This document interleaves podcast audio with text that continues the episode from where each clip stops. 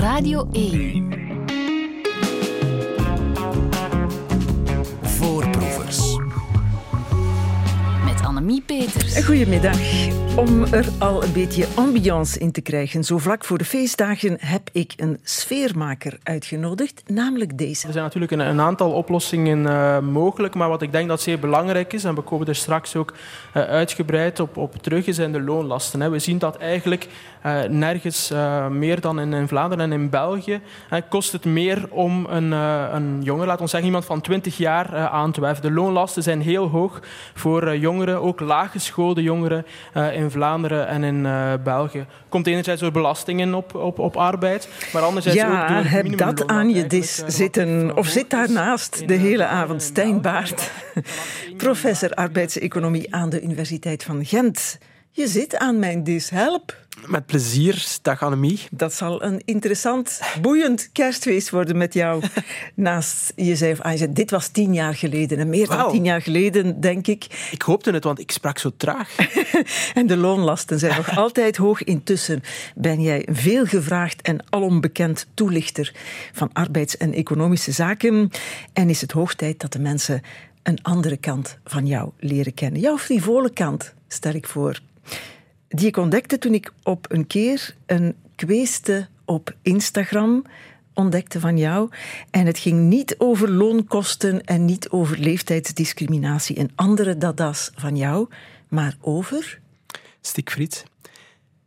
En je zegt het bijna. Uh, het was Instagram. We schrijven drie jaar geleden. Toen was een beetje te veel tijd, denk ik, coronacrisis. Dus je had iets minder dingen die je kon doen. Dus ik maakte een Instagram-account aan. En ja, je kunt daar wel opschrijven, professor arbeidseconomie. Maar het is meer dan dat, of het moet meer zijn dan dat op Instagram. Dus ik dacht, wat karakteriseert mij? En dan schreef ik daaronder hartje, biefstuk, friet, rum, cola, zero, omdat dat typisch het kader is waar ik vrienden uh, in zie, waar ik ook liefde in, in consumeer. En ik zag daar allerlei foto's opduiken, kleine bordjes van vrienden, een sterretje erbij, twee sterretjes, drie sterretjes. En je dacht, ik moet een rubriek ik beginnen. Moet toch een beetje ja. uh, iets tegenover zetten. Ja. Uh, want veel van die vrienden die eten eigenlijk liefst een stuk friet of volle van of balletje en tomatensaus. Op Instagram moet het dan plots veel fijner zijn. En ik, ja, dan ben ik ook natuurlijk zelf fotootjes beginnen nemen van de stikfriet. Heel leuk posts waren dat grappige commentaren van jouw hand. Het laatste nieuws vond dat ook. Hij deed ook verslag van jouw zoektocht. En nu is er een boek van gekomen. Yes. Dat heet Steek met Stijn. Al goed dat jij Stijn heet. Bart had ook gekund. Uh, ja. Biefstuk met Bart. Oh, kijk. Al is het de tijd van het jaar waarin kalkoen met Karel ja. nog beter. Well, daar zeg je wat. Er blijven heel veel mensen die mij heel goed kennen, mij Bart noemen. Uh, na, zelfs na jaren schrijven die plots een mail, dag Bart. Omdat uh, via de achternaam komen ze dan bij die Bart uh, terug. Dus ik heb blijkbaar is dat mijn, uh, mijn alternatieve naam, niet alleen voor jou, maar ook voor andere mensen ja, Bart, die me goed kennen. Bart Baart is niet geworden. En biefstuk met Bart ook niet. Steek met Stijn. Goed, we gaan jou volgen op je zoektocht in deze voorproevers. Een van de uh, zeer goedgekeurde chef-koks van een van de door jou zeer lekker bevonden mm-hmm. biefstukken uh, komt ook. Ik ga zijn naam nog even geheim houden. Zoals een pakje onder de kerstboom. Waarvan je niet kunt raden wat erin zit, zo graag wil weten en waar je vingers hartstochtelijk van gaan jeuken. We hebben een boek dat heet Steek met Stijn. Het is geschreven door Stijn Baart, die van job professor arbeidseconomie is, maar van hobby een levensgenieter, vooral als het eten en drinken betreft. Ergens in jouw boek uh, lees ik, Stijn Baart, wie geeft om de Brugse bloedprocessie als je ook je beentjes onder tafel kunt steken langs de prachtige Damse vaart in de Sifon? En wat heeft Manneke Pis in te brengen tegen het vloeibare goud waar Dirk Mini zijn frieten in laat verdrinken ter vergeving van onze zonden? Jij meent dat, hè? Ja, en ik meen ook wat daar volgens mij ook achter komt, dat dit de belangrijkste toeristische gids is die al over Vlaanderen en Brussel geschreven is. Allee, ik meen dat niet helemaal, maar dit is natuurlijk wel iets dat ons bindt en uh, ja, dat, dat ook wel heel bijzonder is aan ons Bourgondische leven in, in Vlaanderen. Ja, het schetst de toon van het boek, ja. die onderhoudend is, zo mag ik hem noemen, vaak grappig. En het schetst ook wat erin staat. Honderd adressen van zaken waar jij biefstuk friet bent gaan eten het afgelopen jaar, twee jaar? Nee, nee, drie jaar. Ja, ja. En hoeveel keer in elk restaurant? Ah, ehm, goh, in de betere, laat ons zeggen, of de volgens mij beter, eh, misschien vier, vijf keer. En in de meeste andere één keer. Dat is elke dag biefstuk. nee, nee, nee. Want, dat heb je misschien ook gelezen, Annemie, in mijn dankwoord. De meeste woorden wijd ik daaraan mijn, eh, mijn personal trainer, Maya. Eh, om maar te zeggen dat ik mijn punten wel op de juiste momenten inzet. En dat ik wel probeer te balanceren.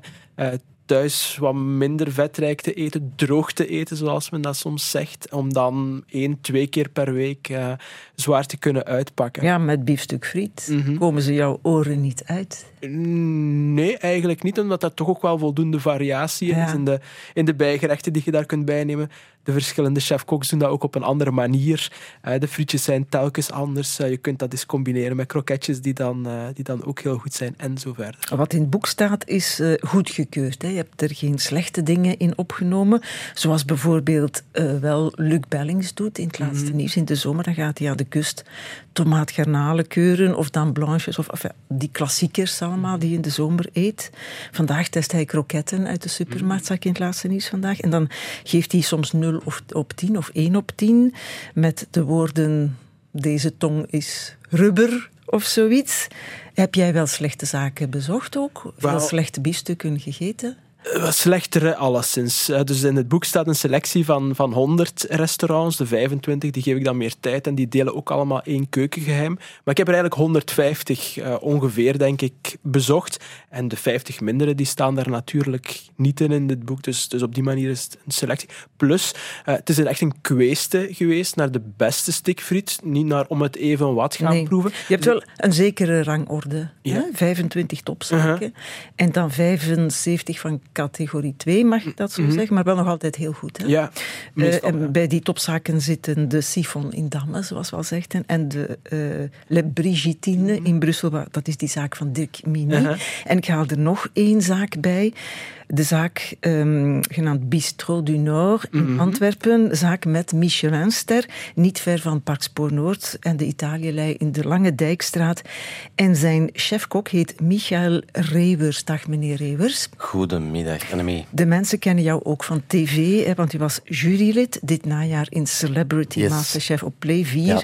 Ik zal de apotheose daarvan eens laten En horen. de winnaar van Celebrity Masterchef 2023 is.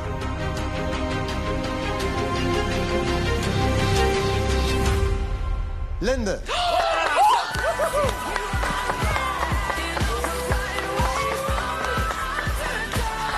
Oh my god. Ja, wij heten niet voor niks voorproevers. Meneer Reewers, Linde is ook een voorproever. Inderdaad. Wie bij ons team wil werken, moet kunnen koken.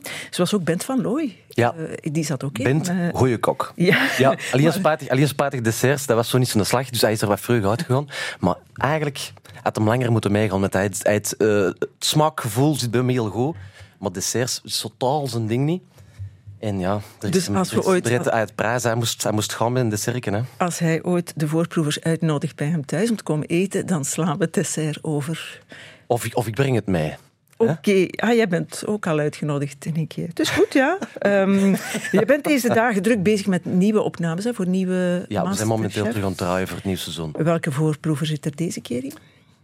Ja, ik mag... Bruno Wijndalen? Ik mag niet... oh, ik- contractueel, dat wilde niet weten. Ze snij- ze snijden me een kop af als ik het vertel. Ik moet echt zwagen. Oké. Ken jij dit programma Voorproevers? Het is een rare vraag, maar ik denk dan voorproevers, dat is iets waar een chef-kok misschien wel eens de voor Eh, opzet. ik, ken, ik denk dat ik alle programma's van Radio 1 ken. Ik, ik luister... Ja, ik heb misschien een verkeerd beeld van een kok die in een keuken zit in Radio 1. Maar heel mijn leven, grootouders, ouders, Radio 1 was always daar. En ik trek dat nu door. Wij zitten in een bunker. Ik zeg altijd, maar een bunker. Ik zit tussen vier muren. Ik moet u niet vertellen eh, hoeveel uren dat we per dag werken. Dat is nog niet per se voor over te stoeven, maar dat is de realiteit. Dus ja, wat doe ik? Ik heel de dag Radio 1, hè. dan weet ik wat er buiten ook gebeurt. Hè. Ja, ja, dan Dus hoef je geen krant te lezen. Een, Ook een lijndraad door heel de dag. Ja, oké, dat is fijn. En die jonge koks, die vinden... Die vinden dat soms al eens aan mijn Dan denken ze, chef, alstublieft, zit nou eens even iets anders op. Maar dan denk ik, mannetjes, ik moet het weten. En als je er niet mee kunt leven, dan, eh, ja, Dan is het eigenlijk gewoon pech. Ik haal de score erbij in Boeksteek met Stijn. eh, van Bistro du Nord in Antwerpen. Vijf op vijf voor de biefstuk. Die heb ik op school nooit gehad, die punten. dat valt wel goed mee. Maar dat was dan niet voor biefstukbakken. Nee, maar punten biefstukbakken op school waren ook goed, maar ik spreek over theorievakken, dat waren, dat waren iets andere cijfers die nu erg, hier gaan bovenhalen. Je bent nu chef-kok, Ja. dus erg is dat niet. Nee. Vier en een half op vijf voor de frieten. Vier voor de sfeer. En vier ook voor de prijskwaliteit. Dat is van het beste in jouw boek. Dat is van het allerbeste, want het gaat om scores voor die 25 allerbeste zaken. Daar moest natuurlijk een beetje spreiding in zitten.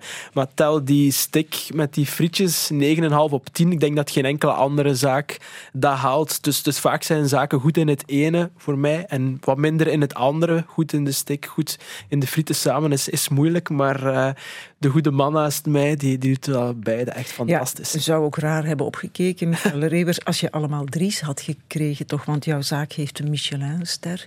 En wie is dan Stijn Baart om te zeggen, het is maar een drie waard?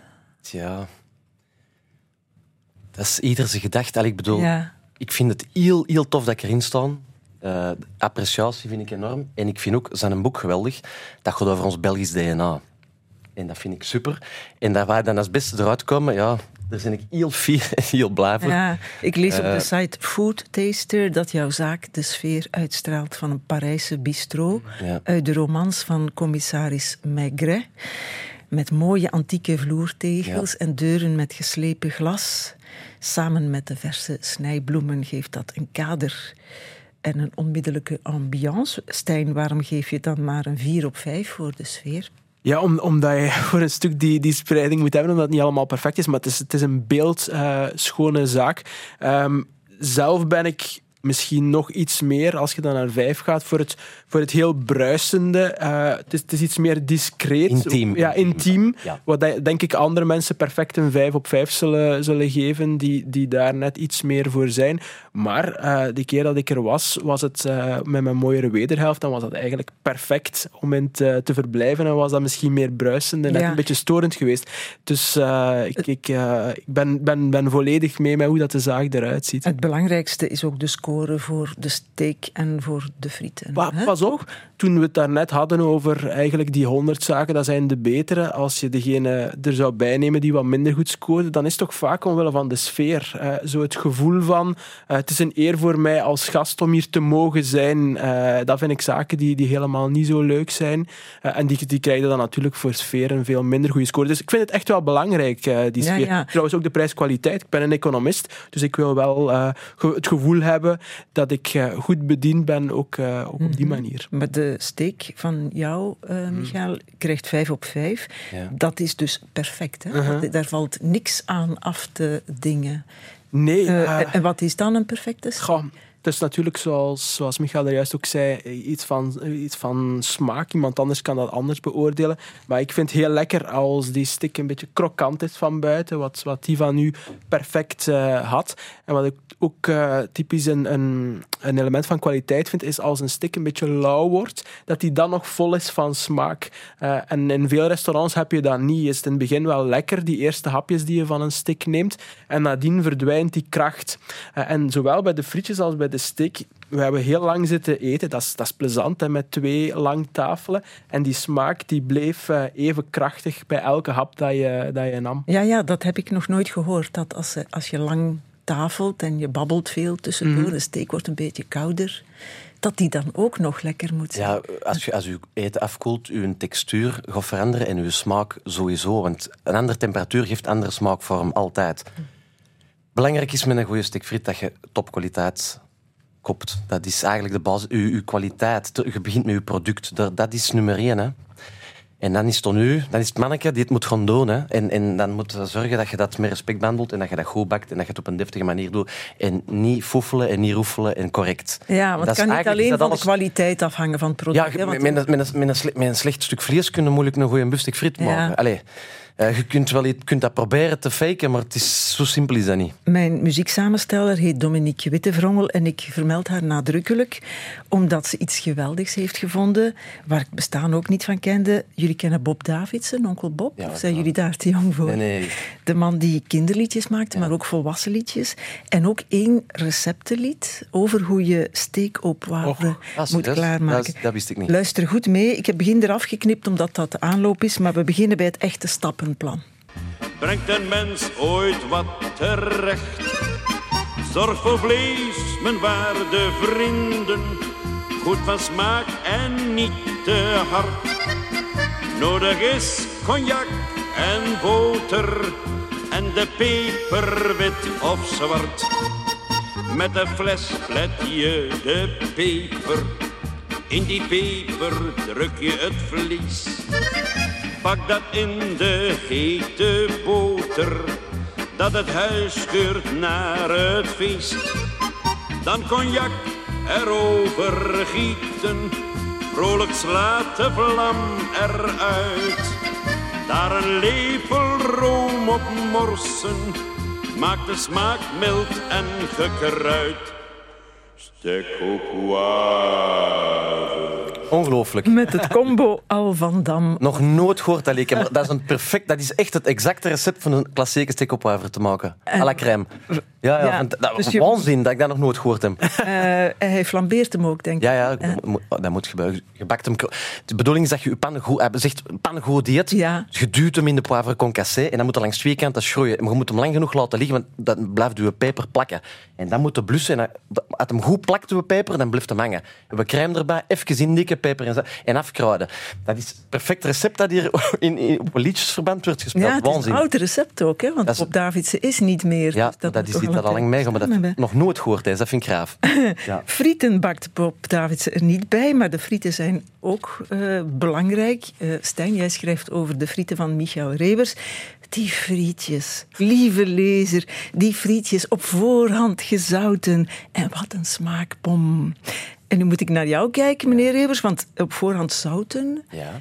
Moet je de klant niet laten kiezen of hij zout wil of niet? Eh, als wij klanten hebben die zoutloos willen eten, die informatie krijgen altijd op voorhand. Maar dat is niet zoutloos eten, hè? dat is frieten Ja. zonder of met zout. Dan, ja, ja, maar als, als mensen zeggen, ik, ik moet oppassen voor mijn cholesterol en ik mag geen zout, ja, dan houden we er rekening mee. En dan dat wordt in de keuken opgeschreven op een bon, geen zout. En dan worden die, zout, worden die frieten niet gezouten.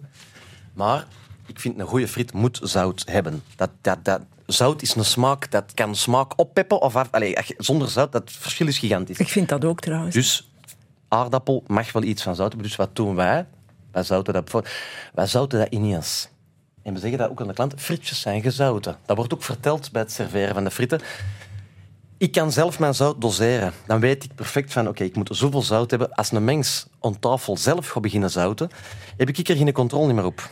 En, dan En dus ook niet over de smaak van jouw frieten. ja, dan gaat dat gaat mijn smaak beïnvloeden. Dus als ik zeg van ze zijn niet gezouten, ik zet ze op tafel, lot de klant maar zelf zouten, heb ik geen controle meer over hoe dat, dat die gaat waarnemen in zijn mond. de ik, wil die zout- controle, ik wil die controle houden over die frieten, dus ik zout die zelf. Controlefreak, Pietje precies ben je. Ja, een beetje, eh, ja, eh, ja, ik, heb, eh, ja, ik heb heel zware dyslexie, al heel mijn leven. En dat is, ja, dat, je leert ermee omgaan en dan je leert een stijl. En ik denk, ik weet dat om mijn dyslexie, dat ik alles wat ik doe, ofwel zeg ik, ik begin er niet aan, maar als ik mijn eigen niet geef, ga ik duizend procent. Ik, dus, en dan puur ik alles uit in het leven. En met mijn frieten ook. Dus ja, ik geef dan een friet en dan blijf ik... Ik heb jaren liggen boren op mijn friet van zo en nog eens veranderen, dat is veranderen, dat is aanpassen. Dat, en dan, totdat we na december dat we zijn, dat je zegt, oké, dat zijn mijn frieten. En dat is niet voor te stoffen, maar ze komen van over heel de wereld met frieten eten. Ja, Dus en dan moet dat zout dus ook perfect zijn. Dat moet het, ja. het, het bakken van de frieten is ook belangrijk. Ik bak ze zelf eh, op de wijze van Jeroen Meus. Ja.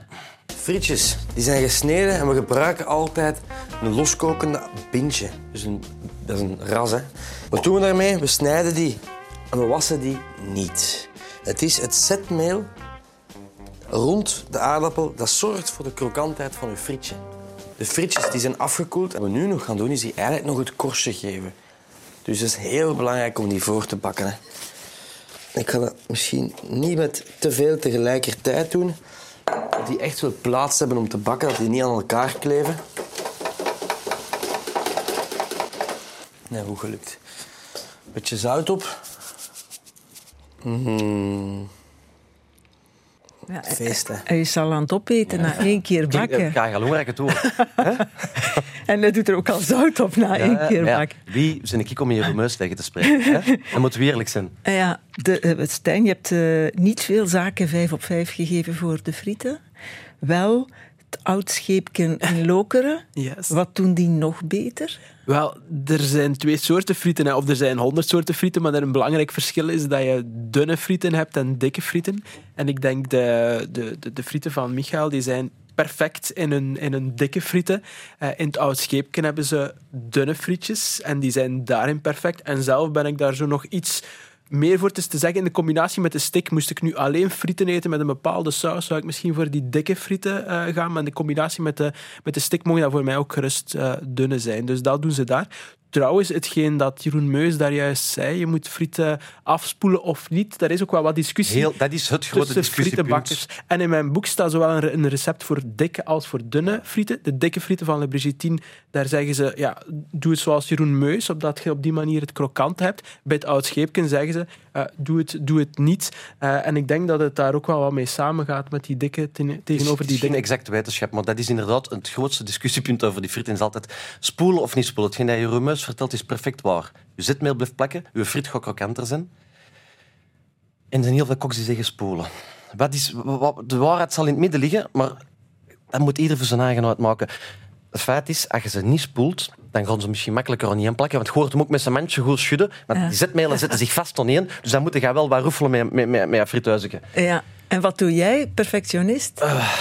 Ik spoel ze. Sorry, maar dan sorry, wel, sorry Jeroen. wel afdrogen dan daarna. Ja, uiteraard. Ik, Ja. ja. uiteraard. Nu lijkt het alsof Bistro du Nord alleen steak met frieten Nee, klaarmaakt, maar dat, vooral niet eigenlijk. Hè? Nee. Jullie zijn een orgaanvlees, of bekend voor het orgaanvlees. Wij zitten zo wat op een niche-markt. Eh, wij, wij staan gekend voor ons orgaanvlees. Wij, serv- wij hebben altijd orgaanvlees in huis.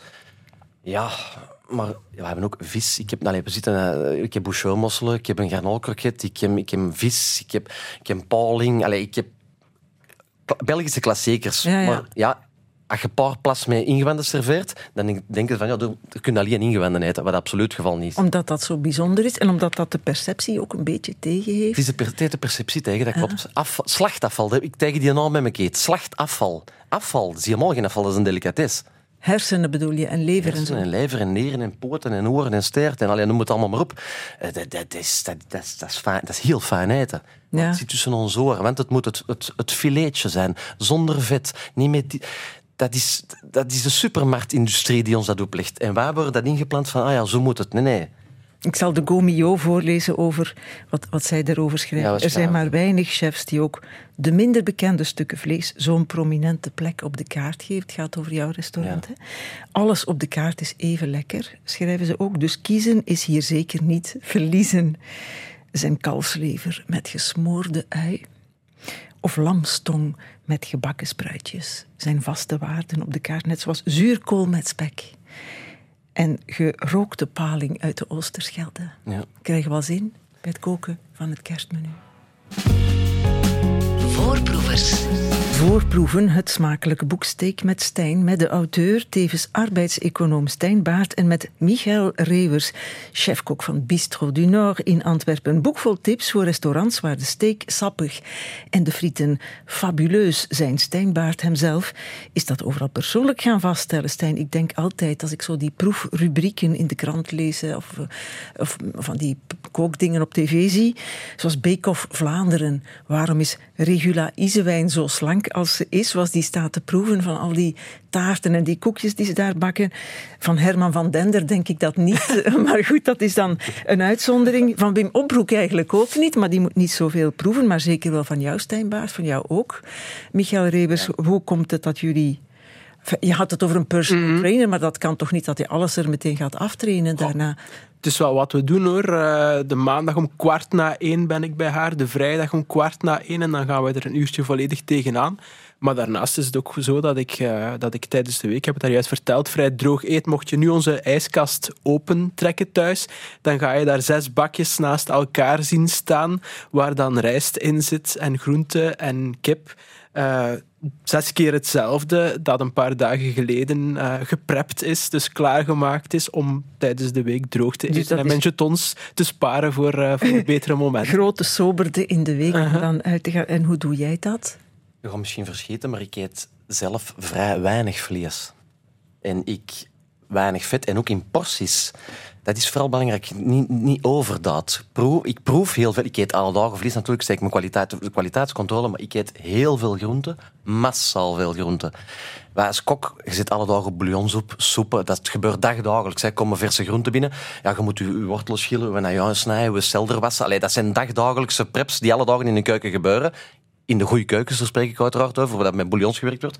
Ja, wat doe ik? Dat is een gewoonte dat ik al jaren heb. Ik, een stuk selder, een stuk wortel. Terwijl ik bezig ben in mijn ochtend, in plaats van een boterham met boter en, en, en, en, of cornflakes van die allee, vulligheid eten, steek ik een hele dag groenten in, in mijn lijf. En dat doe ik al jaren. Ja. Plus natuurlijk de arbeid. Ja, in een keuken wordt... is ja, dat- ja dat daar moet je veel rondlopen. Ja, we maken wel wat en meters. als je dan eens op restaurant gaat, dan mag het wel vol. Dan moet je all the way gaan.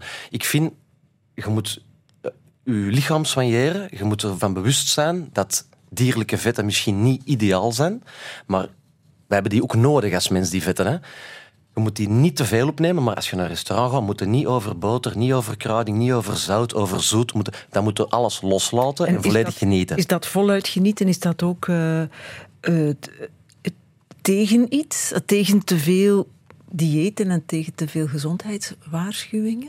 Goh, ik zou het intuïtief eten noemen op het moment dat je dan toch op restaurant gaat, dat je, dat je het niet allemaal opeet om het, om het op te eten. En soms krijg je zo'n biefstuk die, die, die ook dan na een tijdje niet meer die topkwaliteit is. En dan, dan stop je ook op een bepaald moment na eten.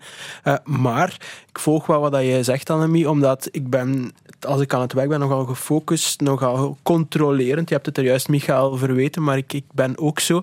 En dan is het wel soms belangrijk om die knop van dat controleren eens af te zetten. En voor mij voelt uit eten gaan met, eh, met vrienden eh, en het eens laten gaan, bij wijze van spreken, ook al een soort van resetknop in mijn hoofd om... eh, ja, al het moeten en al het controleren is even te stoppen. Dus, Ja. dus ik voel het wel zo aan als een tegengewicht in dat opzicht. Ik lees in jouw boek dat het ook een reactie is tegen of een afwijzen van culinair snobisme. Mhm. Wat is culinair snobisme?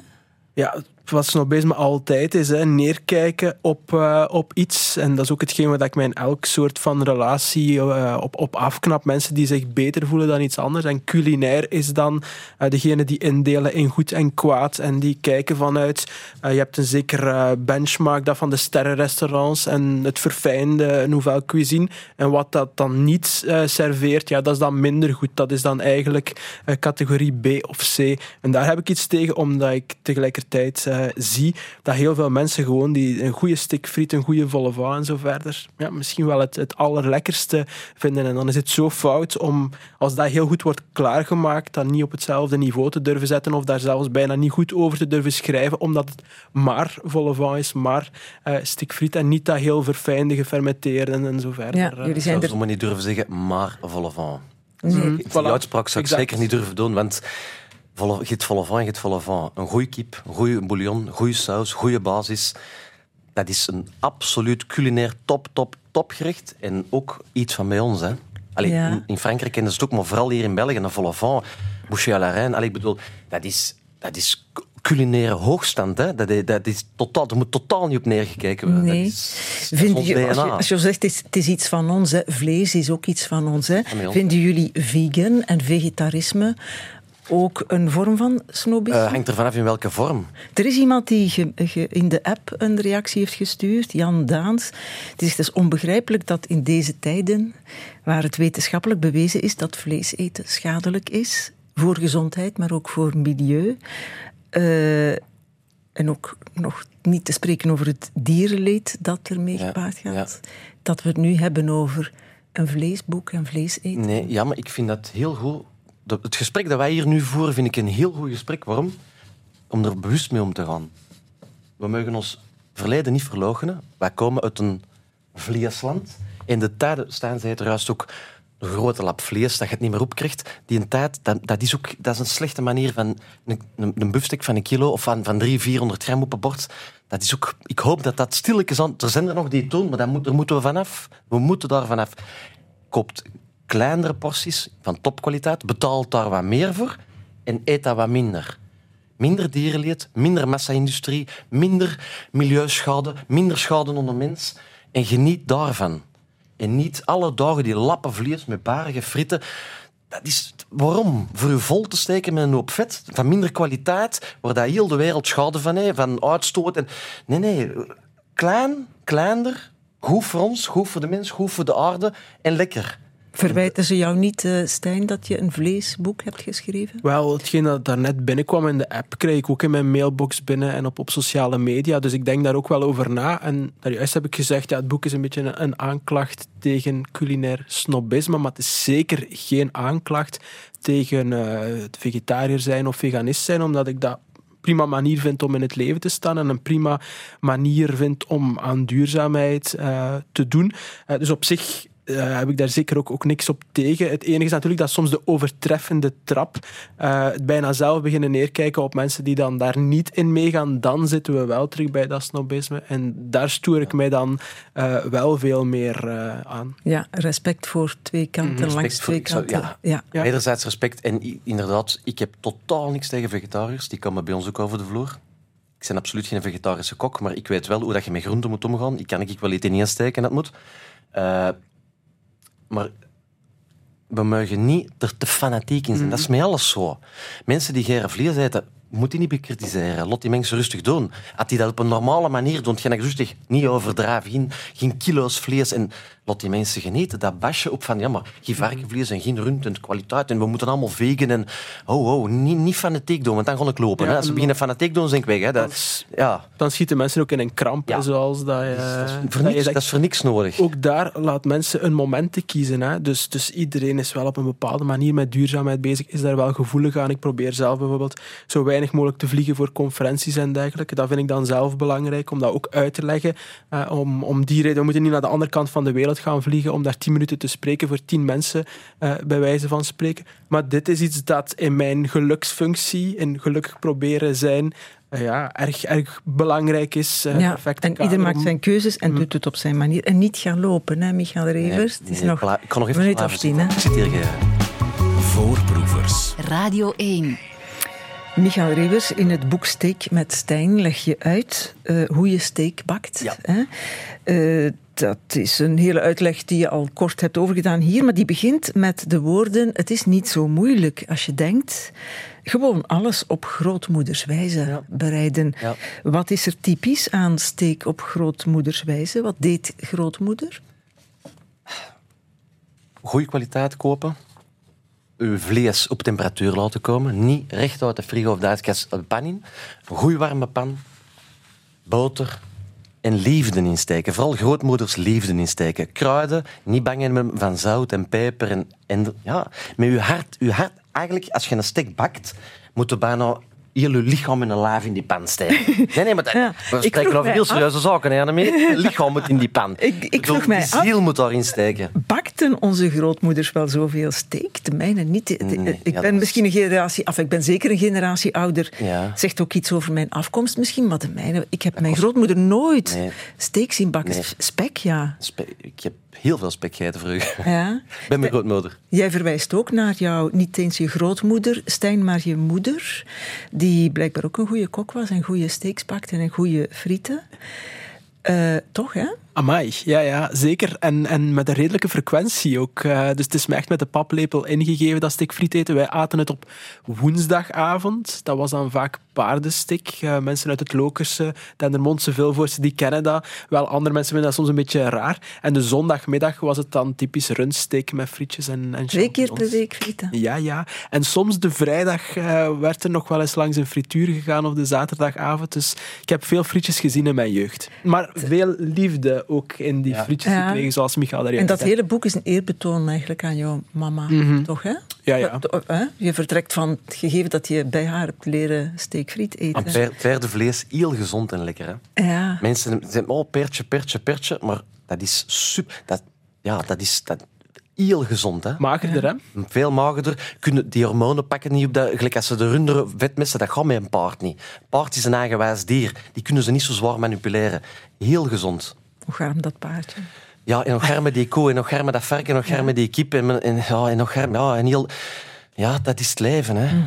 Veel van die eh, recepten die we van onze moeders en grootmoeders kennen, is wel, zijn wel met vlees ook. Ja, Mhm. ja, Ja, ja. toen was dat nog gebruikelijk. Ja. En trouwens, ja, het, is, het is mijn mama die het kookte, maar zij is in de lering gegaan bij haar schoonmoeder, mijn grootmoeder, die, het, die heel goed kon koken, die ook in de plaatselijke parochiezaal eh, kookte eh, voor de mensen. En die heeft het daar ook allemaal geleerd. Dus het is ook een beetje een eerbetoon aan, aan de grootmoeder. Zullen we eens een rondje... Wat maken we op grootmoeders of op moeders wijze? Michael, jij moet beginnen. Oh man, als je, maar het probleem is, als je kok bent en je eet heel graag, allee, dat is al basis nummer één, hè, dat je als kok heel graag moet eten, eh, dan wordt dat moeilijk. Wat is uw favoriet? Ik vind dat zo'n moeilijke vraag, want ik eet zoveel heel graag. Maar als ik aan mijn grootmoeder denk, dan denk ik aan spek, niet te dik gesneden, heel krokant gebakken, en een wortelstomp en dan pikkels erbij. En dan dat vet van dat spek in die stomp en dat putteke voor de saus en een kwart pikkels. En dat is zo'n beeld als kind. Je dat zoete van je wortelen in die puree, dat spek zout krokant, dat vet van die boter, die zure en dat krokant van die pikkels. Ik ben zo in mijn, ik ben terug vijf jaar na, en dan. Dat, ja, ik ben ook een beetje een nostalgisch persoon. Dat brengt, dat, en ik, proef het nog. En ik zie mijn grootmoeder dat bakken. En mijn grootmoeder was een mens dat ik doe het, dat ik na nog alle dagen aan denk. Ik ben 45 jaar, ik denk nog alle dagen aan mijn grootmoeder. Ik, dat ik ze nog altijd geren zien. En de liefde van dat koken, de geuren, de, ja, maar ja, dat, is, dat is liefde geven. Koken is liefde geven. Dat Een is schone ode. En Ja, jij, Stijn? Van, van de biefstuk weet wel, maar... Ja, ik versta het, het verhaal helemaal. Ik, het, het grootste genot dat ik mezelf kan geven is, is dat alle koffietassen in de afwas staan, zodanig dat ik uit de tassen van mijn grootouders kan drinken en op die Ja, manier die, die liefde terugvoelen. Amai. Maar het, het, het gerecht waar ik aan denk, ik maak het zelf niet, want hetgeen dat ik zelf maak smaakt me niet echt als functioneel eh, eten. Maar dat zijn vlaaien, eh Lokerse vlaaien, dat eh, mijn grootmoeder aan vaderskant maakte. Dat is eigenlijk beschuit, peperkoek, melk en dan krijg je ja, een bruinachtige substantie, een beetje zoals eh, brood, Pudding, broodpudding. Eh, en dat is, dat is super lekker en dat kon zij zeer, zeer, zeer goed klaarmaken. En mijn mama maakt dat zo om, om het half jaar ook nog eens. Als ik bij haar op bezoek ga, dan krijg ik een test vlaaien mee naar huis. Op, met haar recept eh, gebruikt ze nog. Broodpudding, dat is nog half gezond. Hè? Denk ik, af, daar zit brood in. Ja, maar... Maak ik mijzelf ja, ja, maar als je je dat waar smokt en je door de ogen toegestikt en in je mond, dan is het ook gepasseerd. hè. Het is zo lekker. Ja, is zo lekker, ja. lekker. En soms zelfs een beetje fruit in, dus je hebt echt En- een klavertje vier helemaal bij Ja, elkaar. voilà. Ja, Volgens de piramide zitten we goed. Dus je rukt die bro- laat die broodpudding maar komen, heren. Twee kilo is beter dan 500 gram. Ja. Als er een kriekenvlaai over was, zit die erin, hè, in de broodpudding. Ja. De- Ja, ja. Ja, maar De broodpudding, dat is, dat is ook zweet. Dat is een beetje restjes, een beetje wat croissants, wat brood, wat dit, wat dat. Ik heb het begin, wat haren, wat room, wat melk.